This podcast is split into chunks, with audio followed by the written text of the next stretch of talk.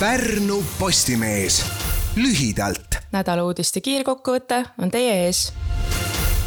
Postimees kuulutas teisipäeval, üheksandal jaanuaril aasta inimeseks Metsküla kooli direktori Pille Kaiseli aasta inimese tiitli annab Postimees isikule, kes on oma tegudega eeskujuks, kelle teod pakuvad lootust ja usku paremasse tulevikku.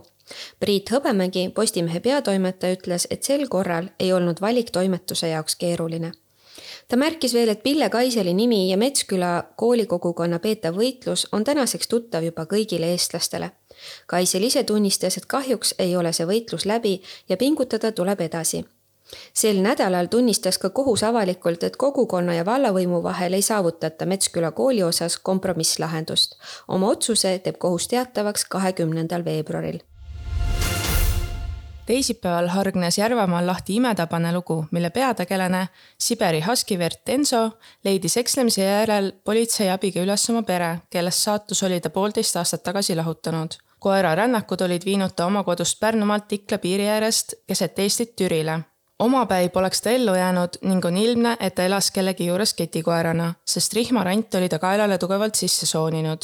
kuuldavasti kadunud samal ajal sealkandis veel koeri, kohalikud kahtlustasid vargusi meil kõigil olid liigutuspisarad silmas, sest tundus uskumatu, et pärast poolteist aastat said nad oma lemmiku tagasi, märkis Paide politseijaoskonnas koera eest hoolitsenud politseinik Eeva Valmsen, kui Pärnu oma pere kohale sõitis, et tuvastada, kas tegu on nende koeraga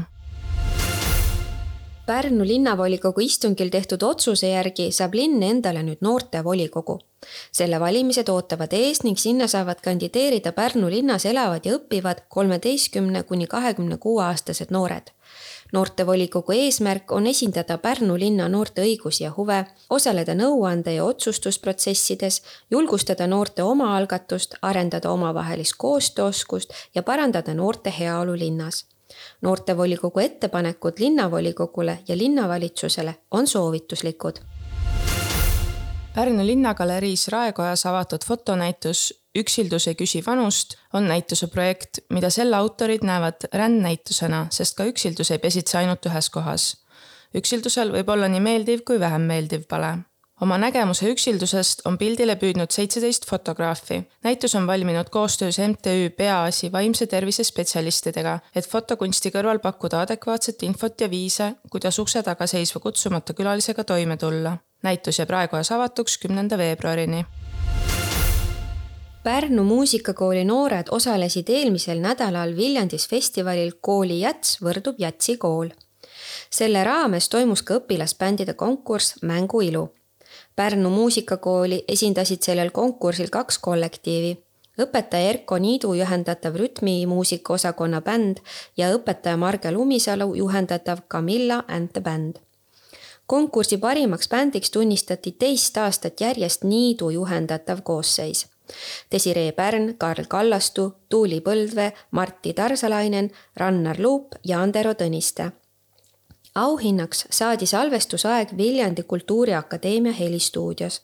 personaalse eripreemia suurepärase ja maitseka pillimängu eest pälvis bändi bassimängija Põldvee.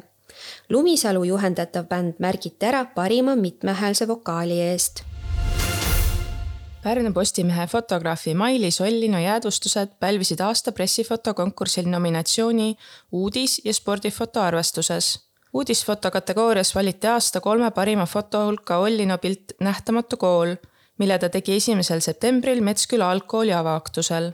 Ollino sõnutsi on temagi käinud väikeses maakoolis, mis oma uksed kinni pani ning seetõttu puudutab Metsküla algkooli sulgemine teda lähemalt. spordifoto kategoorias nomineeriti Ollino pilt Kohtunike lihtne elu, mis on tehtud novembris Uulus Eesti kalisteenika karikavõistlustel, kus kohtunikud hindavad võistlejat uudised valisid ja lugesid ette Siiri Erala ja Grete-Liisa Sihver. kõiki lugusid saab põhjalikumalt lugeda Pärnu Postimehe veebist.